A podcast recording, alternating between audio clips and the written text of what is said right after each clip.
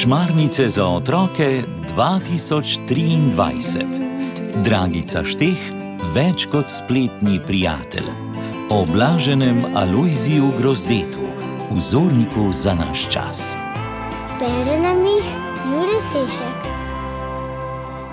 Dober večer, dober dan, dobro jutro. Prav lep, prijazen pozdrav vsem, ki poslušate naš podcast Zgodbe za otroke in letošnje šmarnice. Različni pozdravi, pozdravi različnih vrst za različna obdobja v dnevu, pa zato, ker človek nikoli ne ve, kdaj nam prisluhnete. Kadarkoli lahko pridete zraven, klepim zgodbam. Včeraj smo slišali, kako je Filip pripravljal poslovilna darila za svoje sošolce. Za vsakega je napisal prijazno misel, najtežje pa se je zbral pri pisanju misli za manjco. Teta Mira mu je poslala sporočilo z obljubo, da bosta raziskala Lojzijeve postojanke v Ljubljani, danes pa nas čaka slovo od sošolcev. Takole je pisal Filip zvečer. Jokam. Ležim v svoji postelji in jokam. Nočem se preseliti. Nočem, da mami gre. Nočem zamenjati sošolcev. Nočem odraščati. Vse to je kratko, malo, brez veze.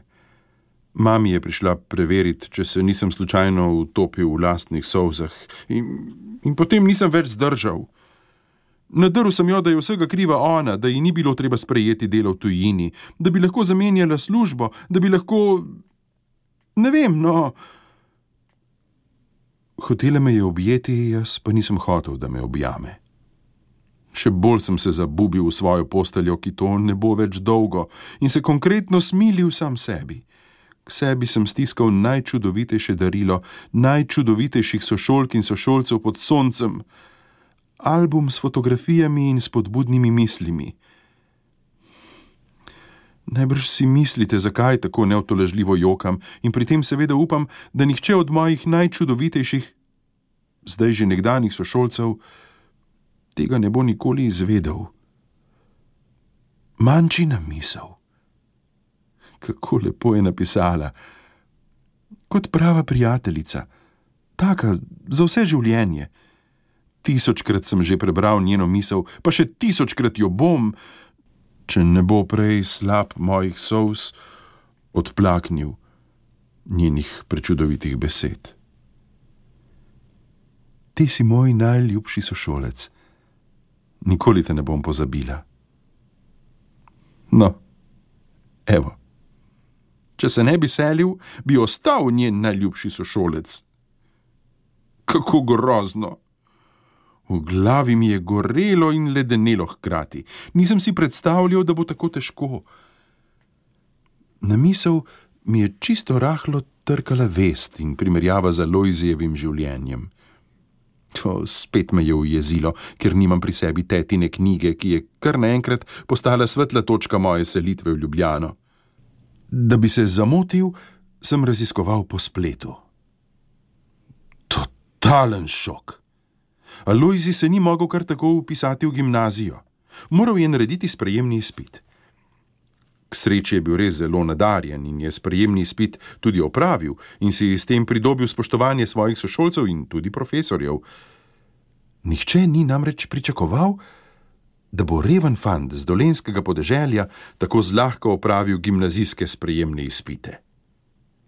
Od neutolažljive žalosti bi skoraj pozabil, da me že prihodnji teden čakajo nova šola, novi sošolci, novi učitelji. Joj, le kako me bodo sprejeli? Bom tudi jaz moral opraviti kakšen sprejemni izpit? Ko sem bral Alojzijev življenjepis naprej, sem se od srca nasmejal podatku, da se je Alojzi za svojo čast in mesto v družbi pošteno boril in marsikaterega vročekrvnega izzivalca pošteno premlatil. Alojzi, če dalje bolj si mi všeč. Čeprav si goreče molil in rad hodil k maši, si znal tudi zavihati rokave in pokazati svojo krepko naravo. Pogledal sem svoje rame in napel mišice, in kaj hitro ugotovil, da moji atributi niso tako zelo prepričljivi. Se bom pač moral zanesti na svoj očarljivi značaj in pamet, sem pomislil, ko je mami spet izpeljala enega izmed svojih častnih krogov do moje postelje. Tokrat ni prišla praznih rok. V eni roki je držala skodelico s kamiličinim čajem, ki je odnegdaj ublažil moje tegobe in bolezni, v drugi roki pa skrivnostno škatlo, ki se je pred nekaj dnevi še bolj skrivnostno izgubila. Sedla je k meni na posteljo in mirno rekla: Najprej bova skupaj zmolila večerno molitev, potem pa jo odpreva. Tako se je tudi zgodilo. Preveč, preveč sem vznemirjen, da bi še nocoj zapisal, kaj je bilo v škatli. Jutri, jutri povem več za lahko noč samo še Aloizijev vers, ki me bo pomiril vedno, ko bom osamljen in žalosten.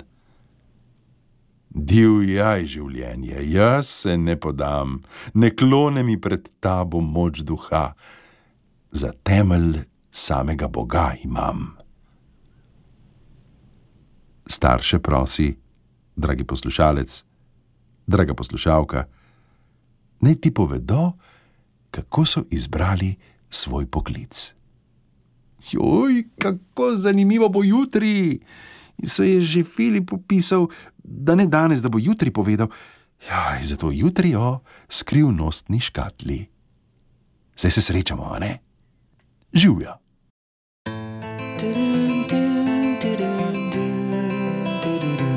Zgodbe za otroke.